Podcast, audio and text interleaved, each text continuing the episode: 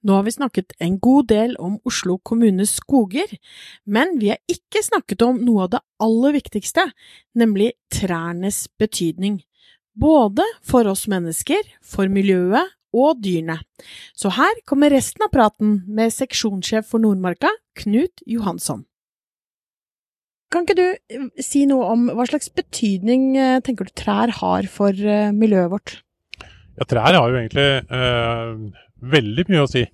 Altså, For mennesker så har jo så trærne betydd eh, Jeg vil jo nesten si alt. Altså, Vi er jo litt trege til beins sammenligna med de som uh, utgjorde en fare for oss i veldig tidlige tider. da. Og da var nok trærne gode å ha både å klatre opp i og gjemme seg. Så, og etter hvert så har det jo hatt stor betydning. Både til redskaper og våpen, og ikke minst noe å fyre bål med.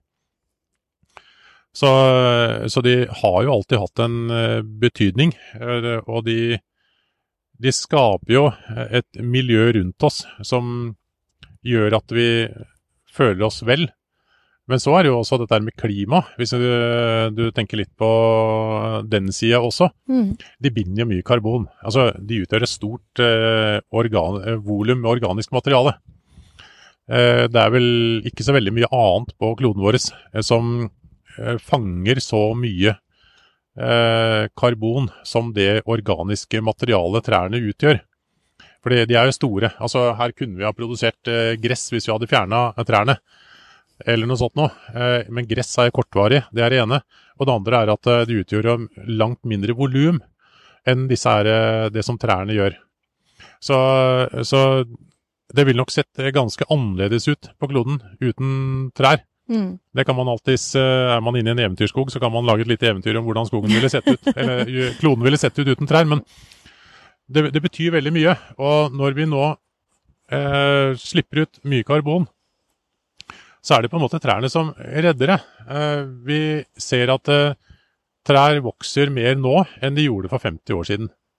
På, under ellers like forutsetninger, på like arealer. Mm. Og det kan man jo ha alle mulige teorier om. Eh, jeg kan ha mine, og de kan være riktige og kan være gærne. Men trær har nå engang en slik effekt, og det har for så vidt alle planter, at det får det en ekstra tilførsel av karbondioksid. Så bruker de det som en forsterking i fotosyntesen. Mm. Så, så, hvis de da har lys nok i tillegg, og ellers eh, greie forhold, så, så vil de produsere mer volum Rett og slett ved tilførsel av karbondioksid. Altså Det er ikke ukjent som gjødslingsmiddelet drives, å mm. tilføre mm. karbondioksid. Og avfallsproduktet derifra, det er jo til å holde ut med det, det er jo oksygen. Så slik sett så er, så er trærne med og skaper den balansen. Det er jo også særdeles viktig i forhold til dette med flom og avrenning og alt. Eh, for når det regner, så kan du sitte under et av disse store trærne her. Mm. Og det kan regne ganske lenge før det blir veldig blaut eh, under et så stort tre. Mm. Veldig mye fanges opp i krona. På fagspråket så heter det intersepsjon, hvis jeg ikke husker helt feil fra en eller annen skoletime på skogskolen. Men, og det er det som da fanges opp i trekrona og ikke når bakken. Og når det da endelig kommer til bakken, så har det regna i ei lang stund. Og det betyr jo egentlig at eh, den avrenninga er forsinka eh, i stor grad. Så at det, hvis, det, hvis, det, er en åker eller en parkeringsplass eller noe sånt noe, en hard flate, så dundrer vannet ned, og det går rett i en bekk. Og den bekken kan være helt sikker på at det er retta ut så godt som mulig, sånn at eh, det ikke skal bli flom. Og så lager han heller flom et stykke ned. Altså Skal man redusere flom i Glomma, så hjelper det ikke å gjøre noe i Glomma. Det er i tilførselsbekkene fra langt inn på fjellet og gjennom skogen. Det er der man egentlig gjør en effekt. Og sånn har trærne eh, mye av den eh, effekten. At de fanger opp eh, vannet som detter ned. Og så er det sånn, eh, litt tilbake til det med eh, skogbruk og bærekraftig og ikke bærekraftig og sånt noe. Når vi da driver et sånt skogbruk som vi driver, så skaper vi et miljø som er litt sånn i halvskygge og skygge. Hogger man alle trærne, så er det ikke mye skygge igjen. Da er det bare sollys. Da endres vegetasjonen på bakken drastisk, fordi at den eventuelle vegetasjonen som var der, den, den taklet ikke det brå lyssjokket. Det er helt andre planter som eh, lever i så sterkt lys. Og så får man også en, eh, en uttørking og en avrenning av alle de der eh, organiske partikler som er på bakken. Men i forhold til flommen, eh, så vil jo da bakken bli veldig åpen. Og, og vannet vil renne fort unna. I den halvskyggen som vi skaper, det, sånn som vi driver skogen, så blir det mye vegetasjon. Eh, og det blir også en opphopning av organisk materiale. Og den opphopningen er jo for så vidt ganske stabil, fordi at det, det skjer ingen sjokkendringer. Så, det, så, den er konstant uh, i en oppbygging i den uh, halvskyggen. Og den virker jo som en svamp. Altså Hvis du heller ei bøtte med vann i den der skråningen her, mm. og så lager du en sånn grøft på nedsida, så ser du hvor mye vann er det som renner ned til den. Da, det, da, tar det lang tid, og så kommer det nesten ikke noe vann ned i den der stripa som du har laga. Mm. Hvis eh, vi hadde fjerna alt det organiske materialet her, og så gjort det samme, så hadde vannet bare skjort rett ned og i bekken. Mm. Og det er eh, en illustrasjon av den effekten som skogen har som en svamp. Og da, Vi snakket om eh, det, og hva, dette, hva, skogen har å si for menneskene. Men eh, hva med dyrelivet? Ja, Dyrelivet er jo helt uh, avhengig av skogen, med unntak av de artene som ikke lever i skogen. Uh, men i hvert fall i Norge så er det jo ekstremt mange arter som er knytta til skog, og også de eh, flesteparten av de trua artene i Norge er også knytta til skog. Så, så, veldig mange arter er uh, sterkt knytta til det. men det er jo også slik at de kan være Om vi har mye skog, så kan det være arter som er trua likevel. Fordi at de har ikke den rette skogtypen å leve i. Som jeg nevnte, disse her meisene. Hvis det bare finnes unge trær, så, så, er det lite av de der artene som er helt avhengig av gammel skog, gamle trær. Mm. Så, så, skogen er veldig viktig for dyre- og, og fuglelivet. Men altså, det er jo også arter som blir fortrengt av skog. Nå ser vi jo klimaet er i endring. Skogen trekker seg opp mot fjellet. Kanskje på et eller annet tidspunkt så har vi ikke snaufjell i Norge, i hvert fall veldig lite. Veldig få isolerte områder. Og da er det jo skogen på en måte som fortrenger de, da. Men eh, ja, det blir en litt annen side av saken. Mm. Men vi har jo snakket litt om det å hogge skog, at dere gjør det veldig bevisst. Hvilke, hvilke trær er det dere da, når dere skal eh, hogge ned noe, hva er det dere bevarer? Hva er det dere eh, ikke vil hogge ned? Hva slags type trær? Altså, vi vil jo hogge ned Altså Hvis vi tenker økonomisk eh, skogbruk, men allikevel de hensynene vi tar, så skal vi ta eh, de trærne som er hogstmodne, som det heter, eh, og gjemme igjen de andre. Eh, samtidig skal vi også plukke ut noen av de mindre trærne, slik at eh, den innbyrdes konkurransen eh, mellom alle de forskjellige trærne på, i et område er ivaretatt på en god måte. Men det er noen trær, sånn som eh, vi har et par sånne kjempesvære trær bak oss her. De eh, bør være sånne såkalte livsløpstrær. De bør vi spare. Fordi eh, de har allerede en helt spesiell økologisk funksjon. De er nesten et sånn økolandskap i seg sjøl. Ja. Med sitt eget klima og sine egne arter, som er helt avhengig av akkurat den type trær. Og noen sånne skal vi gjemme igjen spredt over hele skogen. Eh, og spare for hogst. Så, så, når det er noen sånne spesielle trær som det, så skal vi spare dem. Det er også enkelte treslag som vi skal være veldig forsiktige med å hogge, sånn som osp eksempelvis. Det er en sånn nøkkelart i, i skogen.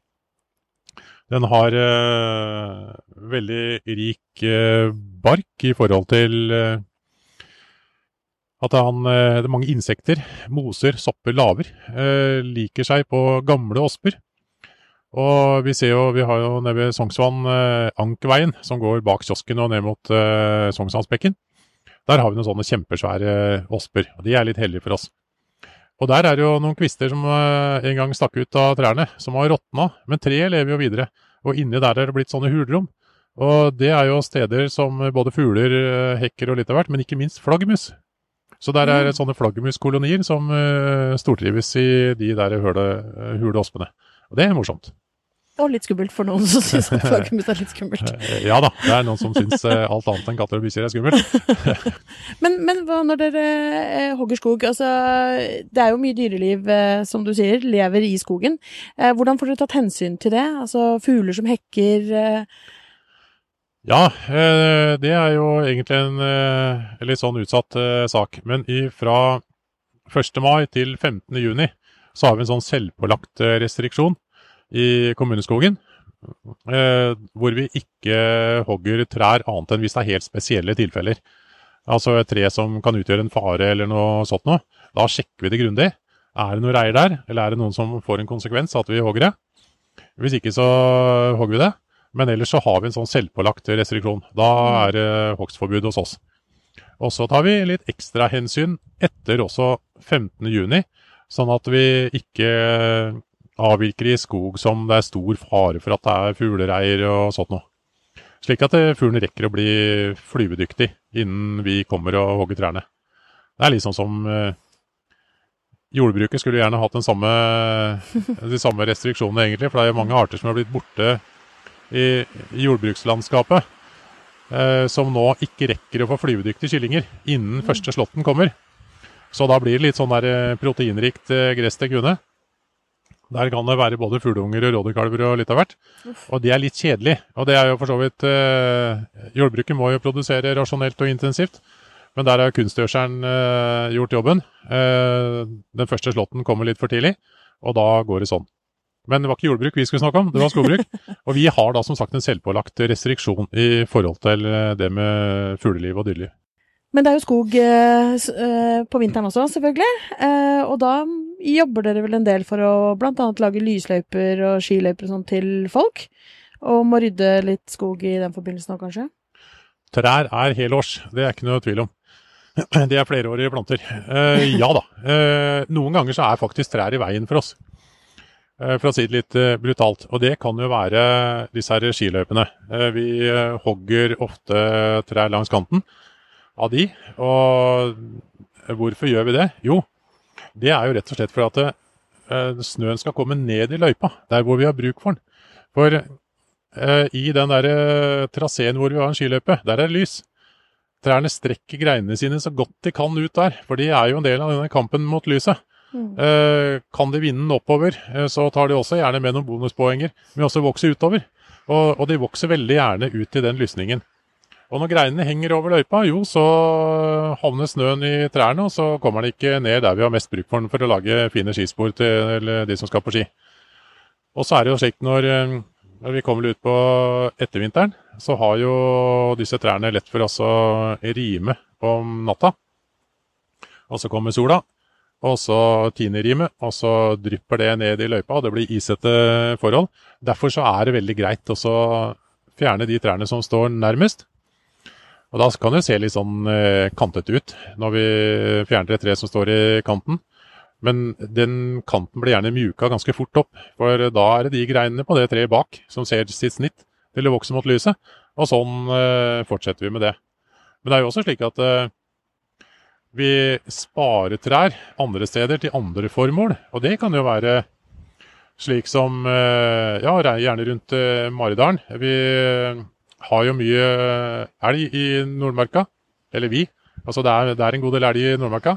Og en god del av den eh, har jo lyst til å komme ned i mer snøfattige områder eh, når det lir utpå vinteren. Nordmarka, der kan det gjerne være 1,5 og 2 meter eh, snø. Og det er ikke det beste sjøl for en elg. Og da har den jo gjennom noen tusen år da, eh, traska ned til eh, de lavereliggende områdene med mindre snø. Nå har jo vi bygd ned de områdene, så nå er det ganske store konsekvenser hvis den kommer hit. I hvert fall eh, etter at vi begynte å bygge store veier og kjøre fort med bil. Så er det rett og slett ikke så bra å få den elgen ned i byen. Så vi vil gjerne stoppe den før han havner ned i byen. Og det ene er jo at vi fòrer i Maridalen og Sørkedalen, slik at han skal stoppe der, og ikke søke ned i eplehagene nedenfor Ring 3. Fòre på hvordan da? Eh, Da fòrer vi med gress og rundballer, men så hender det jo det at eh, vi hadde jo en tørkesommer her for litt siden, eh, noen år siden, og da var det vanskelig å få tak i fôr. Da måtte jo bønder slakte kuene sine fordi det var ikke fôr å få tak i. Og da var det jo en sånn etisk dilemma. Skulle vi som kommune kjøpe fôr til elgen, mens bøndene måtte slakte dyra sine? Det ville vært litt feil. Så det vi gjorde da, eh, da hadde vi et område med fin furu som trengte å tynnes. Det hadde vi gjemt igjen til det formålet at hvis det skulle komme en sånn situasjon, en skikkelig snøvinter, eh, i etterkant av en eh, vanskelig sommer hvor det var vanskelig å få tak i fôr, så kunne vi hogge ned en del av den furua, slik at elgen fikk mat av den. Og det er jo naturlig mat for elgen. Mye bedre løsning, egentlig. Og når vi da kjørte rundt uh, i den skogen og tok ned ei furu her og ei furu der, så fikk jo den mye mat. Da var det massevis av bar og, og, sånne topper. Altså Toppen bruker vi jo stort sett ikke til noe. Den går inn i det store næringskretsløpet i skogen. Så reiste vi opp de, sånn at elgen fikk uh, mye å spise på i den. Og så hadde han jo hjulspora etter skogsmaskin å gå i. Så da koste han seg veldig med det. Det syntes han var helt ålreit. Ja, det er jo veldig mye dere må tenke på, da. Det er altså mange hensyn dere skal ta, og ikke minst tenke ekstremt langsiktig for å, som du sa i sted, at eh, det er jo ikke for dere selv dere gjør dette her, det er jo for uh, framtidens generasjoner. Ja, altså vi, vi, De fleste som utdanner seg innen skogbruk, er nok veldig interessert i natur. Og er man interessert i natur, så er det noe som er evigvarende. Mm. Er man interessert i biler, så pleier ikke de å være evigvarende. Men, eh, men det er liksom sånn det er det der evige kretsløpet som, som, vi ønsker å bevare. Og det, det, er vel delvis for artene, og det er delvis for menneskeheten og delvis ditt og datt. Men det er i hvert fall en sånn genuin interesse for at det skal være en eller annen sånn evighet i skogen. Mm. Både for arter og alt som er. Så bra. Um, men du, vi har også snakket litt om dette her med eh, Eller du har nevnt flere ganger dette her at uh, trærne de kjemper om uh, lyset. Ikke sant? De vil oppover og, og, nå lyset, for det er det de vokser med. Men kan ikke du si noe mer om dette trærnes hemmelige liv? Ja, de har sikkert mye hemmeligheter, og de forteller i hvert fall ikke så mye. Men vi kan jo prøve å avsløre ved å kikke. og det er jo slik at de kjemper om lyset, aldeles riktig. For lys er de avhengig av for fotosyntesen. Den produserer sukker. Eh, noe av sukkeret eh, går inn i treet som byggematerialer. Men så er det jo den eh, hemmelige samspillet som skjer under bakken. Det, det sender mye sukker ned. Og ut gjennom røttene og helt ut i rotspissene. For der eh, søker de samarbeid med en eh, mykorrhizasopp, som da omdanner eh, næringsmateriale i jorda til byggematerialer for treet. Som treet kan sende opp igjen gjennom røttene. Slik at eh, det, det, er råstoffet for å bygge en trestamme. Så der er det en sånn symbiose. Og så er det slik at den mykorrhizaen den er ganske selektiv. Den er sleip. Så hvis den ikke får noe særlig sukker av ett tre, men den ser at den kan få mer av et annet tre, så velger den det. Og da det nedprioriterte treet da, det vil jo sulte sakte i hjel. Det har et uh, dårlig liv. Og der er jo grana uh, veldig effektiv. Den tåler mye skygge. Så den er liksom effektiv til å både produsere klorofyll og, og sukker, sjøl om den er i konkurranse med et annet tre, og overtar til slutt. Det, og dermed så er det gjerne slik at eh, hvis vi kommer opp i litt sånn høyereliggende områder, ser ei eh, fin eh, furu som det vokser ei gran opp gjennom krona på. Det ser veldig sånn naturlig ut. Det er sånn skikkelig sånn tiurskog, på en måte. Så vil nok den grana ta livet av den furua. Og det er litt trist. Altså, Det er for så vidt naturens gang, men det er litt trist. For øh, den furua, den ville kanskje kunne leve i 500 år og være død i 500 år være et sånt viktig landskapselement, eh, både i forhold til eh, noe å se på, og også for mange organismer, og kanskje en tiur som sitter der om vinteren. Mens eh, grana den har jo vanligvis et kortere liv. Det er jo sånn fra en sånn 80-90 til 150 år, sånn typisk. Altså Gran kan også bli 500 år, men det er mer sjelden. Men da vil den grana sannsynligvis ta livet av furua. og da er det igjen en sånn teori at, uh, som ikke jeg har beviser for, men at den der furua som er gammel og litt sånn uh, Ja, ikke så veldig levende, men han lever.